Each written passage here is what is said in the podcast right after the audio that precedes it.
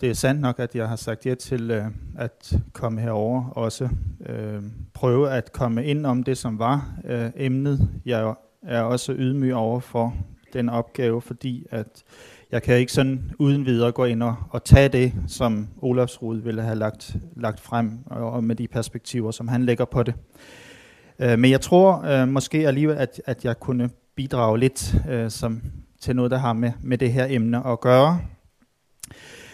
Øh, så har jeg overvejet, fordi jeg ikke har haft mulighed for at være med på kurset her, øh, og havde lidt svært ved at, at få, det, få det indpasset, om jeg måske alligevel skulle forsøge at samle op på kurset øh, ved øh, at øh, tage noget af det mest øh, avancerede og, og mest tekniske, som findes. Øh,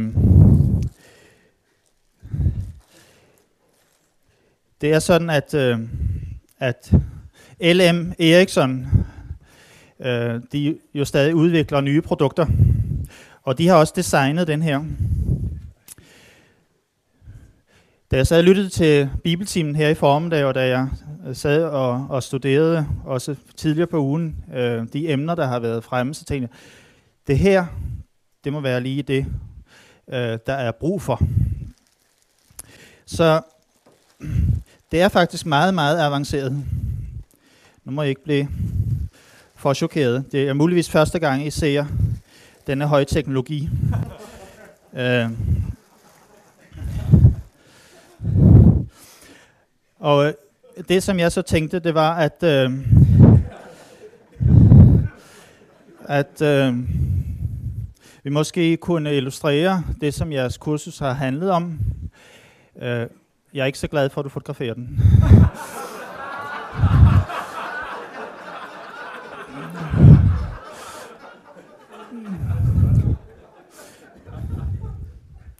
Lad mig sige det på den måde. Jeg har fået lov til at bruge den her i, i formiddag.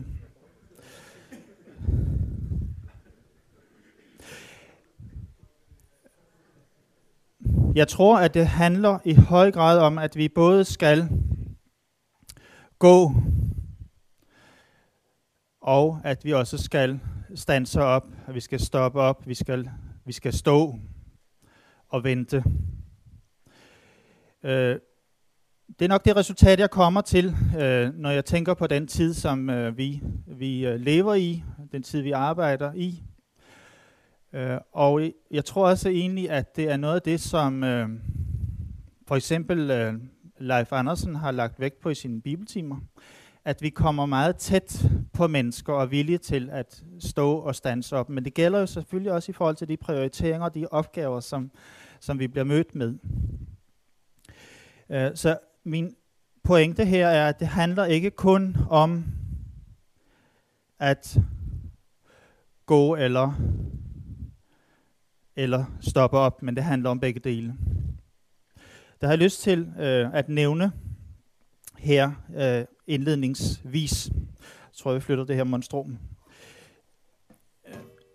Her for godt 14 dage siden, så startede jeg som freelancer for en tid i hvert fald, blandt andet for at få mere tid til at lave billedkunst, skrive øh, bøger om kunst, og skrive bøger om åndelige eksistentielle spørgsmål, som jeg også møder dem øh, i, i samvær med, med mennesker og faktisk også aktivt gøre brug af for eksempel kunsten som, øh, som medium i mission og i, i samtalen, i dialogen. Øh, et af de projekter, som jeg er i gang med, er et kunstdialogprojekt i Damaskus, øh, sammen med nogle syriske kunstnere, hvor vi skal fokusere på, hvad kan man tillade sig at gøre inden for rammen af det religiøse øh, billede. Så det arbejder jeg en del med. Det er med henblik på maj måned 2008. Øh, jeg vil så også gerne styrke øh, formidlingsarbejdet, for eksempel via foredrag øh, og blandt de meget store grupper, kan vi sige, af mennesker, der er optaget af religiøse spørgsmål, som er søgende, men som måske ikke, som måske ikke bare tænker kirken med, eller de traditionelle mindesfællesskaber med i deres, deres søgen. Øh, fordi der er jo meget af den her søgen, der så at sige går udenom kirken, som ikke øh, øh, er direkte målrettet imod det, som vi opfatter som de bedste tydnings- og tolkningsfællesskaber, der overhovedet findes på den her jord. De gode kristne fællesskaber. Altså, jeg vil meget gerne prøve øh, at møde denne lidt løse, denne lidt mere autonome tro og religiøsitet, øh, finder, at det er en meget stor udfordring på de steder, hvor jeg færdes i hvert fald. Det er som om, at den der stærkt voksende materielle velstand afføder behov midt i tomhed, træthed, kedsomhed, hvad vi vil nævne, og hvad der nu kendetegner den tid, vi lever i.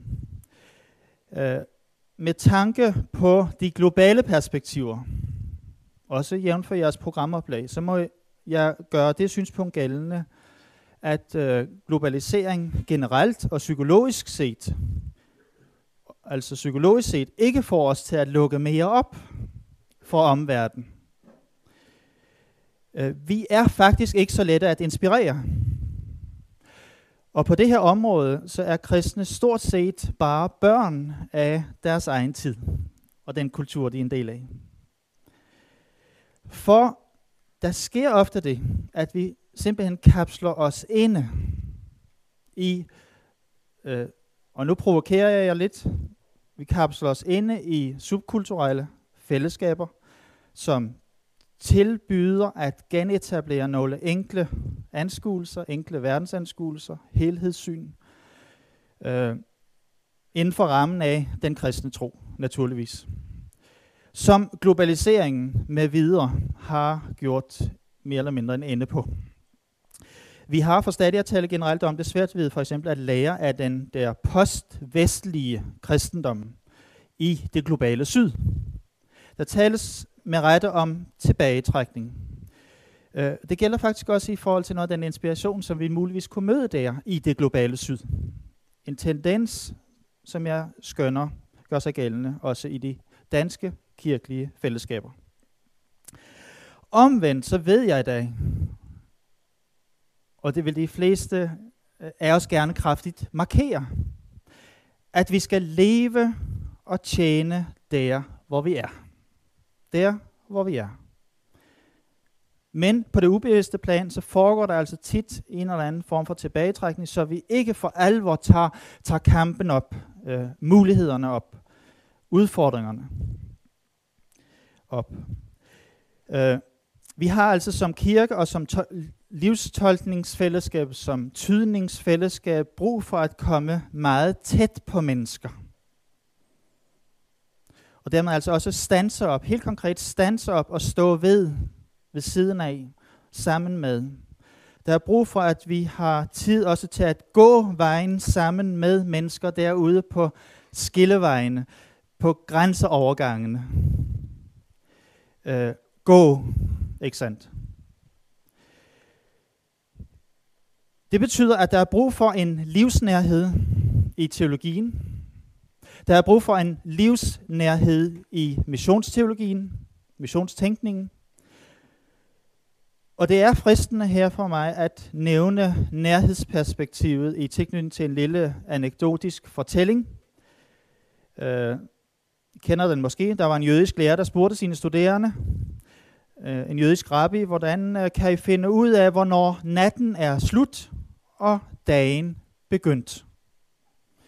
En af de studerende svarede med et spørgsmål. Er det, når du på afstand kan skælne en hund fra et får? Nej, sagde rabbin. Er det, når du kan skælne et fientræ fra en dadelpalme? Nej, heller ikke det. Men hvornår er det så, spurgte de studerende nærmest i kor. Det er, det er, når du kan se ind i et medmenneskes ansigt, og der se din broder og søster. Indtil da er natten stadig hos os. Indtil da er stadig natten stadig hos os. Det er, når du kan se ind i et menneskes ansigt, og der se din broder og søster, indtil da er natten stadig hos os. Jeg har egentlig lyst til at spørge jer. Det kan godt være, at det lyder meget enkelt og enfoldigt. Jeg har lyst til at spørge, er natten stadig hos os? Der, hvor vi arbejder? Der, hvor vi lever vort liv? Der har jeg lyst til at spørge om. Øh, bare dette som en øh, kort øh, introduktion, inden vi går i gang med introduktionen her. Øh, Jeg vil sige, at de har føretrøjen på i det globale syd. Kristendommen stormer frem i Latinamerika. De har føretrøjen på. Den stormer frem i Afrika, den stormer frem i Asien. For 100 år siden så var der cirka 10 millioner kristne i Afrika. Men i dag er der mere end 350 millioner. Missionsbevægelsen er naturligvis også præget af denne her vækst og dynamik. Og her i Vesten, der udfylder vi efterhånden kun assistentens rolle i den her udvikling. Jo, kristendommen stormer frem i syd. De kristne der har føretrøjen på, som jeg nævnte det. Forskydningen af det her tyngdepunkt viser sig for eksempel i det forhold, at der i dag er flere fuldtidsmissionærer, som er sendt og støttet af kirker i syd, end der er udsendte missionærer fra Europa og Nordamerika. Der vokser i vores tid mange helt nye missionsinitiativer frem med en forbavsende kreativitet og entusiasme, som bidrager til at ændre den kristne mission på verdensplan. Naturligt nok, så tilhører mange missionsledere en, ja, en helt ny bevægelse, en ny første generations bevægelse. De er energiske. Det er også blevet sagt, at de ikke er altid så godt organiseret, som vi kender til det fra vores hjemlige missionsselskaber. Øh, dette er en del af det nye globale kirkebillede. Antallet af afrikanske missionærer for eksempel er mangedoblet de sidste to årtier. Øh, Nigeria, Ghana, Sydafrika, Kenya og andre afrikanske lande har udsendt et meget stort antal missionærer. Øh, der er således sket en stærk missionsmobilisering i mange afrikanske lande. Og det er en skrab udfordring for vores mentale tænkning at vi nu i Vesten kun er at opfattes som sådan en slags assistenter eller har nogle biroller. Der er en ny rollefordeling i global mission. Vi må erkende, at vi i Vesten ikke længere er ledere, igangsættere, normsættere i det kristne missionsarbejde. Øh, og de kristne i syd vil i det 21. århundrede sætte alle de afgørende normer i missionsarbejdet. Og så anvender jeg et ord, som ikke er så enkelt at bruge, men jeg vil alligevel bruge det. Og kvaliteten, kvaliteten af det 21. århundredes kristendom vil afhænge af dem, ikke af os.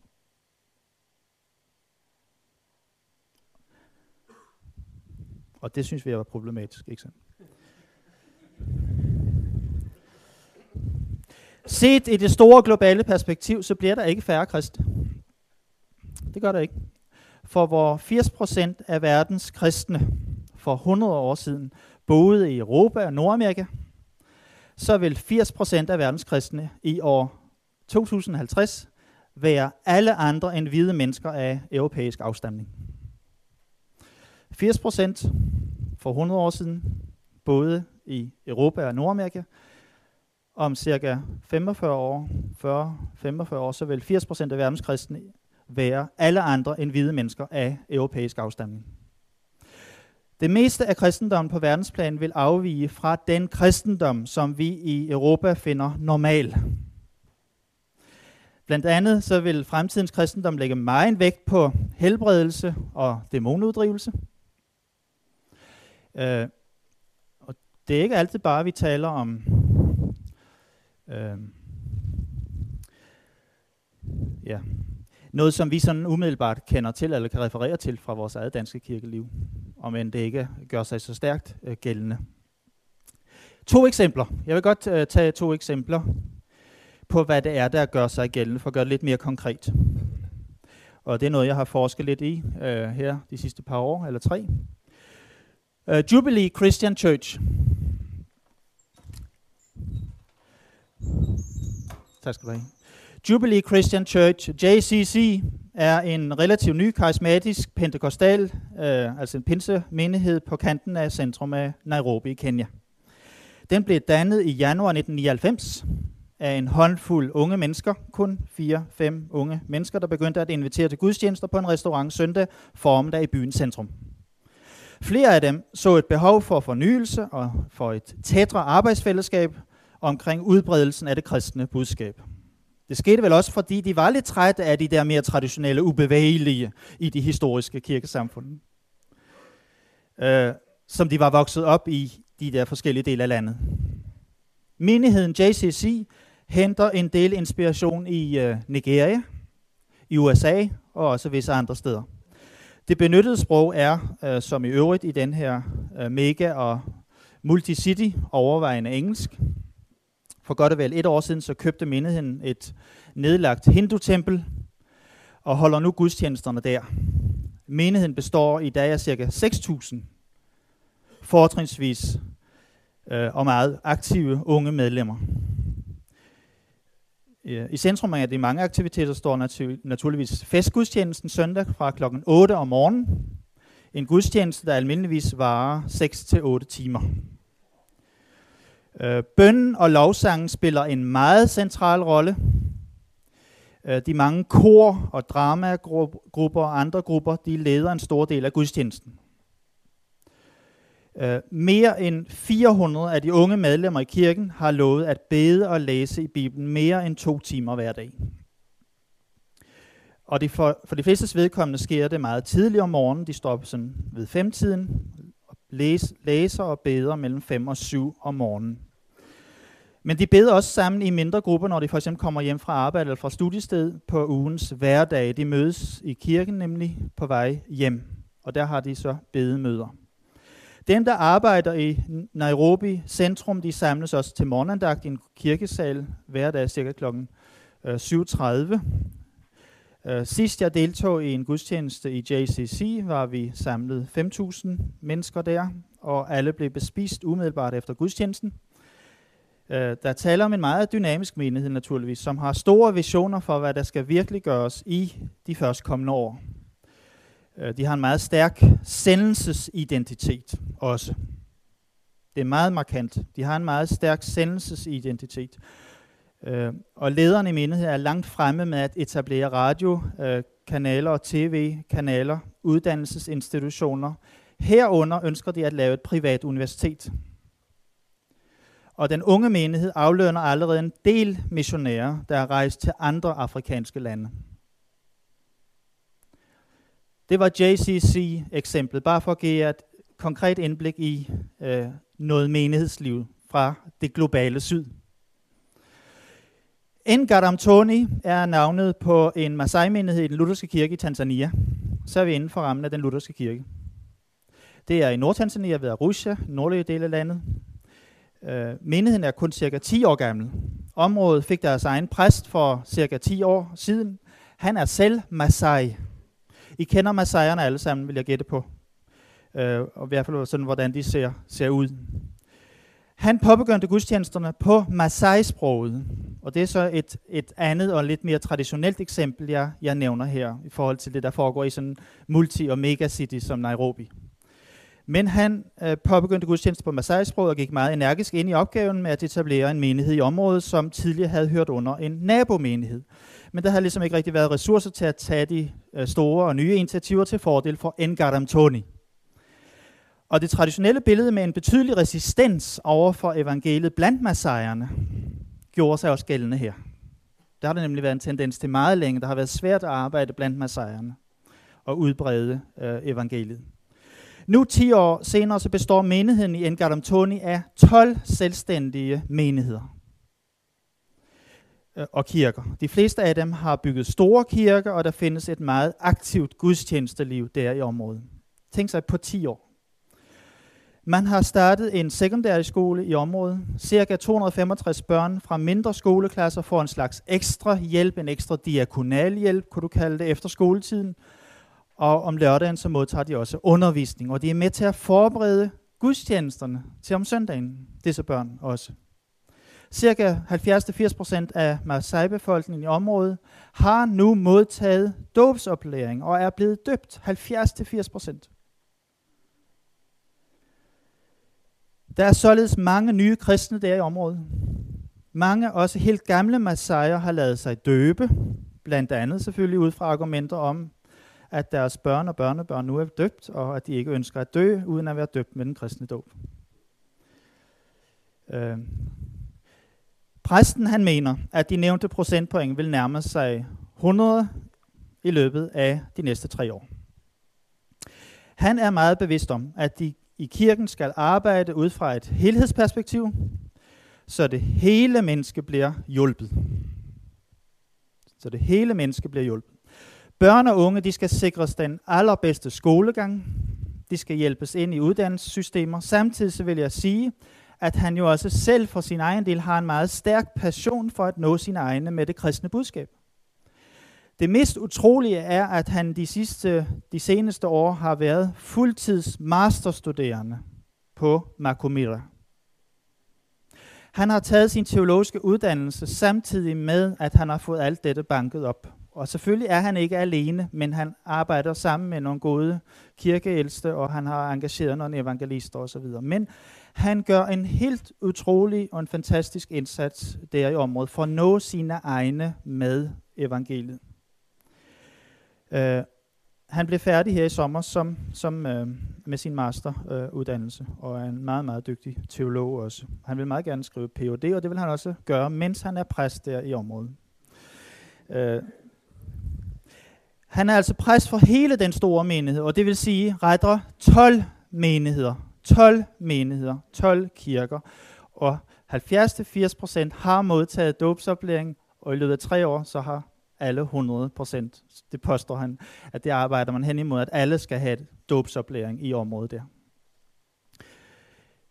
Det var eksempel nummer to, og jeg kommer til at, øh, I, I kan have dem klingende lidt med, og jeg kommer til at referere til disse par eksempler et par gange undervejs.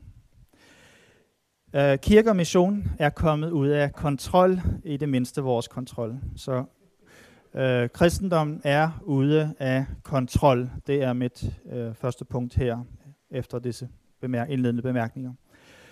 Øh, det har det kristen, den kristne mission måske altid været, øh, for det hører kristen, kristendommens natur til at være ud af kontrol.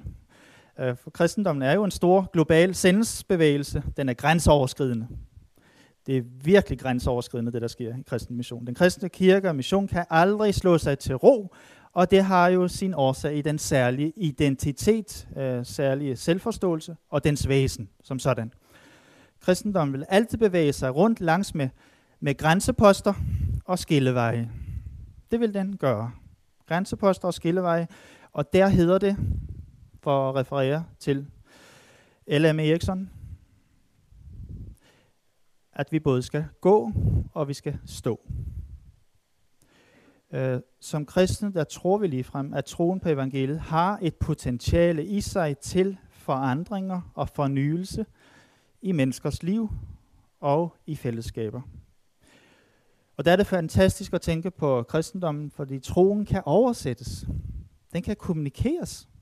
Den kan formidles på et hvert sted, og den kan, den kan sendes videre, så at sige, og få stadig nye og helt forskelligartede kulturelle udtryk. Den vil altid træde frem med mange forskellige ansigter og klædedragter. Øh, jer, der er interesseret i teologiske og kontekstuelle problemstillinger, det er I forhåbentlig alle sammen, øh, kunne måske have glæde at se øh, lidt om det her i det sidste nummer Iktys, det fandt jeg selv spændende. Jeg synes, der var, den første artikel var særdeles god, synes jeg. Øh, men der kan I læse lidt mere om, øh, om det. Øh, det jeg vil sige er, at der er nogle problemstillinger, som så at sige rører ved grundlaget for kristendommens udbredelse og kristens, kristent arbejde overhovedet. Øh, I sammenhæng med, at vi som kristne er et stort fortolkningsfællesskab, hvor der gør sig mange kulturelle forskelle gældende. Jeg tror, at vi sidder med nøglen til forståelsen af den kristne tro. Det er vores opgave, det er vi kaldet til også. Hvilket ikke er en undsigelse af heligåndens forklarende og oplysende, nyskabende virke. Øh, vi er et lokalt fællesskab, måske et lokalt tolkningsfællesskab, Øh, i teologien i dag taler man om interkulturel hermeneutik.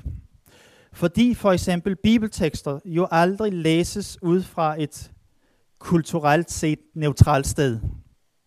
Vi kommer alle sammen med vores egne briller, læsebriller, og mange af jer har dem med, kan jeg se. Øh, de kom, vi kommer med vores egne forudsætninger, vores egne perspektiver, når det gælder det at, at forstå Guds ord. Og sådan er det. Og der er det, jeg gerne vil gøre opmærksom på, at der sker noget i den proces, hvor troen så at sige oversættes. Den kristne tro kan oversættes og kan få stadig nye klædedragter. Og det er nogle gange måske lidt et irritationsmoment for os, at, at der er en sådan forskelligartethed, der gør sig gældende. Uh, jeg har sagt, at det var et mentalt lærestykke, og der har jeg øh, øh, lyst til at lige at udfolde lidt mere. Kristendom som global religion er et mentalt lærestykke. Øh, kristendommen er en globaliseringsbevægelse af rang. Det er nok den største af slagsen, og, og aldrig har bevægelsen fra verdens mission været større i dag. Og det skyldes ikke så meget også i Vesten. Øh, det er i kirken i det globale syd, som, som er årsag til, at missionsbevægelsen er i fremvækst og har stor dynamik. Men bevægelsen i nord er aldrende. Jeg spekulerer ofte på, om den trænger til palliativ pleje. Øh, nogle steder i hvert fald. Men fordi kirkens herre har sendt sine disciple ud i al verden og til verdens ende, så er kristendom blevet en global religion. Men hvad betyder det for kirken set i det lokale perspektiv? Om du tænker dig hjem, så at sige, i din lokale menighed, i din lokale kirke. Eller for den sags skyld også ud i en opgave på et bestemt sted under, under fremmede himle. Øh, for 10 år siden skrev jeg en artikel om afrikanske tankegange omkring det at være kirke. Vi kalder det afrikansk eklesiologi. Øh, jeg gjorde blandt andet nogle overvejelser om, hvad vi måske kunne lære her hos os i Vesten. Bare en lille bid af konklusionen der. Jeg skriver sådan her meget forsigtigt, vi kunne måske lære noget om behovet for at give mere plads til kirkens levende vidnesbyrd. At give plads til kirkens levende vidnesbyrd. Og der tænker jeg på mange ting. Jeg tænker på spontaniteten, jeg tænker på den frie bøn, jeg tænker på kroppens sprog, at vi kan være til stede øh, med vores eksistens, med, med vores liv, også med vores kroppe, vores lægemer og, og vi kan fortsætte øh, med andre eksempler. Så nævner jeg også, at kirkens enhed jo ikke afhænger af organisationsmæssig uniformitet. Det er ikke det, kirkens enhed afhænger af. Kirkens enhed findes i Kristus. Vi tænker ofte, at det har noget med organisationsmæssig uniformitet at gøre. Ensartethed. Så nævner jeg også, at al legalisme og alle traditionsytringer nødvendigvis må tilpasse sig ændrede betingelser af kulturel og tidsmæssig karakter i samfundet osv. Jeg ser egentlig, at den her udfordring på en eller anden måde forfølger os i vores arbejde. Det er noget af det, vi, vi brydes med. Øh, kristendommens geografi, kristendommens udtryk og vækst ændres kraftigt i vores tid. Mange især karismatiske og pentekostale, men også evangeliske kirker oplever stor tilstrømning og vækst. Øh, de hurtigst voksende menigheder findes øh, i Afrika og Latinamerika, ja. Og det er almindeligvis ikke de historiske kirkesamfunds missionskirker i syden, som oplever den stærkeste vækst. Vi skal dog ikke glemme, at ikke alle, for eksempel lutherske kirkesamfund på verdensplan, stagnerer. Sådan, det er ikke tilfældet. Markante undtagelser findes for eksempel i Etiopien og i Tanzania. Der er Philip Jenkins, uh, Philip Jenkins øh, som har skrevet den her bog, The Next Christendom, og også kommet med en, øh, en bog nu om, hvordan Bibelen den læses og forstås, så i hvert fald nogle hovedtanker omkring det, i det globale syd. Øh, hans beskrev væksten af de der nye kristendomsformer i det globale syd. Han beskrev for eksempel afrikanske kristnes passion og entusiasme, deres forståelse af missionen, kristnes åbenhed over for det overnaturlige osv. osv. Og så mødte han derhjemme i USA en ældre reformeret amerikansk kvinde, som sagde mange lovord om hans beskrivelse af alt det nye, af alt det nye i det nye århundredes kristendom. Men så kom hendes spørgsmål. Som amerikaner, som kristne, som episkopale, hvad kan vi gøre for at stanse alt det? Ikke sandt? Hvad kan vi gøre for at stanse alt det? Man kan grine af det, det hørte jeg også, det var der en eller to, der gjorde. Men øh, der er jo en reel frygt hos mange kristne i Vesten forbundet med, at den der store majoritetskristendom er ude af vores kontrol. hvad skal vi dog stille op med alle de der nye og anderledes ansigter på fremtidens kristendom? Hvad skal vi stille op? Hvad kan vi gøre for at stanse alt dette? Deres måde at lave gudstjenester på, for eksempel, ligner jo ikke vores, vel? Alt det nye udgør et udfordrende mentalt lærestykke. Vel, der er også andre sider af kristendoms øh, skrøbelige udbredelse. Kristendommen og dens mission har egentlig altid været temmelig ukontrollerbar. Og den har altid været meget skrøbelig. Men krydset grænser, det har den. Skete der en stor udbredelse i visse områder, så var det som om, at lysestagen blev taget bort efterfølgende. Tænk på Ægypten, Syrien, Tunesien, hvor den kristne tro fik den største udbredelse, hvor de fleste store teologer og kirkeledere fødtes. Ja, men hvor de kristne også blev helliggjort ved meget martyrblod. Kristendommen var engang dominerende i hele Øfrat-deltaget, Og de fleste af folkene i det nuværende Irak, Iran, østover i Centralasien, også i lande, vi nu kalder Afghanistan og Tajikistan, var engang kristne. Tænk sig. Egentlig så har kristendommen aldrig haft et permanent center, selvom vi i Vesten har tænkt og troet netop det. Evangeliet har altid befundet sig i lærkar. Med et stort spring op i vores egen tid, så må vi stadig sige, at den kristne majoritetsverden ikke er her hos os. For 100 år siden var der, som nævnt i indledningen, cirka 10 millioner kristne i Afrika, men i dag er der 350 millioner. I Korea var der en lille svag kirke for 100 år siden, men nu sender kirken missionærer til hele kloden og overtager mange felter, som vestlige missionsselskaber har forladt. Og de når ind til områder, som vi aldrig nåede ind til. I Mizoram-regionen øh, i Indien er mere end 90 procent af befolkningen kristne, og de sender missionærer til hele Indien i dag. Men for 100 år siden var der ikke rigtig nogen kirke der i Mizoram. I år 1900 var der 1880 kirkesamfund i verden, forskellige kirkesamfund i verden. 100 år senere, altså år 2000, da vi gik ind i det nye århundrede, så var der 33.800 selvstændige og adskilte kirker, især adskilte. Forskydningen af tyngdepunktet viser sig også i det forhold, at der i dag er flere fuldtidsmissionærer, der er sendt og støttet af kirker i Asien, Afrika og Latinamerika, end der er udsendte missionærer, som sagt herfra nord. Hovedparten af verdens missionærer de kommer altså fra missionsbevægelser og kirker i syd. Missionens initiativ er flyttet fra nord til syd. Af verdens 400.000 missionærer i dag kommer de fleste fra disse lande i Sydafrika, Latinamerika og Asien. Konkret er der tale om, at der er vokset mange helt nye missionsbevægelser og initiativer frem, med en forbavsende kreativitet øh, og entusiasme, som jeg nævnte det. Øh, mange missionsledere i syd, de tilhører en ny, skrøbelig bevægelse. De er energiske, ja. Lad mig nævne et enkelt eksempel fra Nigeria, som illustrerer situationen meget godt. Uh, jeg tror også, at Kurt han har været inde på det i en rapport fra et møde, han var til i Nairobi. Uh, jeg tror, det var der, jeg læste det blandt andet. I øh, uh, 1986 så var der 10.000 udenlandske missionærer i landet. I uh, 2006 er der kun 850 tilbage. Til gengæld så har Nigeria, Nigeria udsendt 5.200 missionærer til 56 forskellige lande. På 20 år er der sket den her udvikling. Europas to største lokalmenigheder ledes af nigerianske præster. Den nigerianske præst eh, Sunday Adelaya er leder af den største af dem. Den befinder sig i Kiev, Ukraine. Og den gudstjenestefejrende menighed der når på søndag op på 25.000 deltagere. Der er nogle af de lokale ortodoxe, de siger, at det er slet ikke nogen kristen menighed. det siger de faktisk. Menigheden kalder sig The Embassy of the Blessed Kingdom of God for All Nations.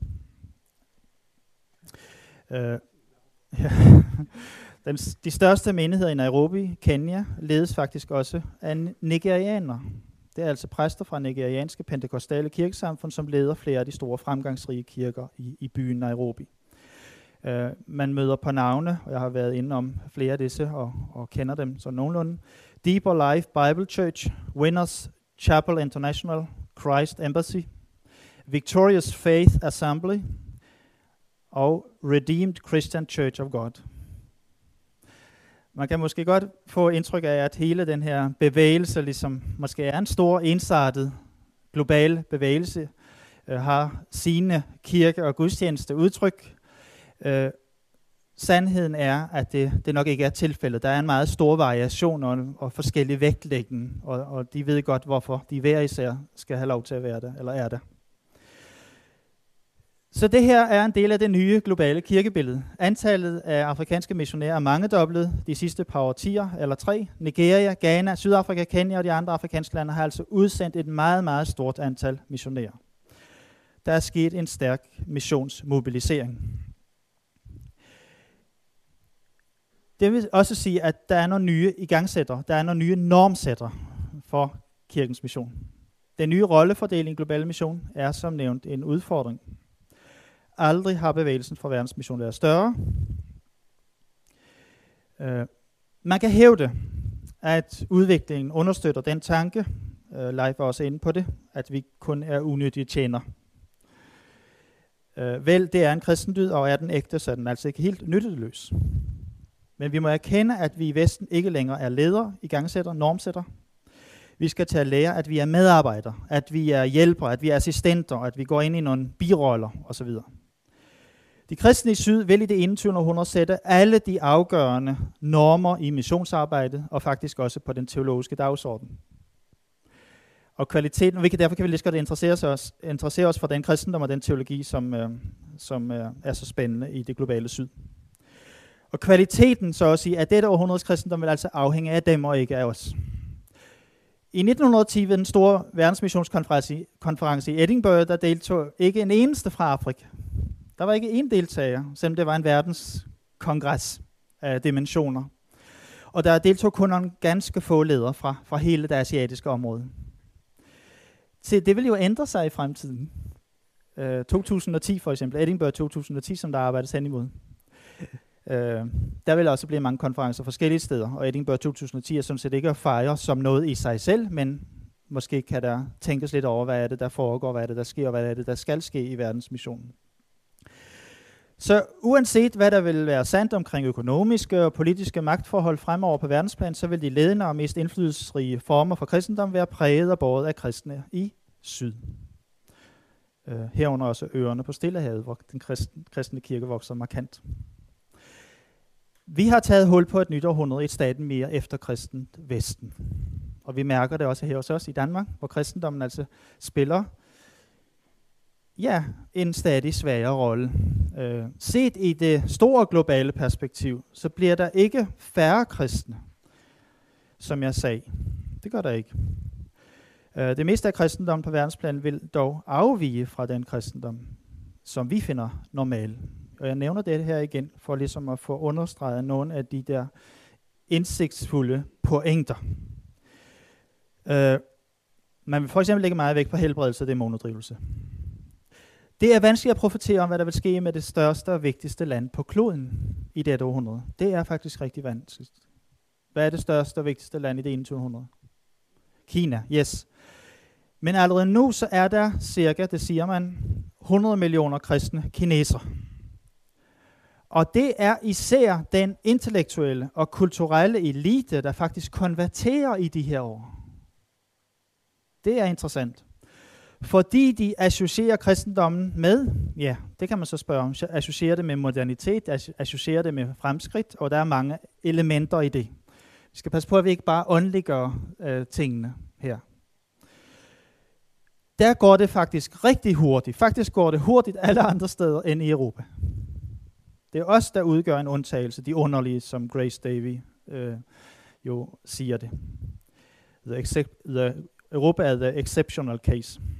Philip Jenkins og andre har jo også været med på den samme udtryksmåde. Vi har altså nu i en årrække kunnet høre om kristendommens næsten revolutionerende udbredelse på, det, på den sydlige halvkugle. Specielt i den sidste del af det 20. århundrede. Interessant nok i den periode, hvor koloniherredømmerne i Afrika og andre steder, og i det mindste officielt, var bragt til ende. Men hvad sker der med vores positioner, vores samarbejdsrelationer i fremtiden? Hvad betyder det, at når kristendommen er på fremmarsch alle andre steder i Europa, hvad betyder det for os? Øh, Pinsebevægelsen er det 20. århundredes mest succesrige bevægelse, og der er legnet op til noget øh, her i det 21. århundrede, som vi skal være meget opmærksom på. Øh, de karismatiske kirker startede for blot 100 år siden, og har nu flere end, altså plus minus, øh, må jeg lægge til sådan en udtalelse, om at de karismatiske kirker startede for blot 100 år siden. Øh, de har nu flere end 400 millioner tilhængere i verden.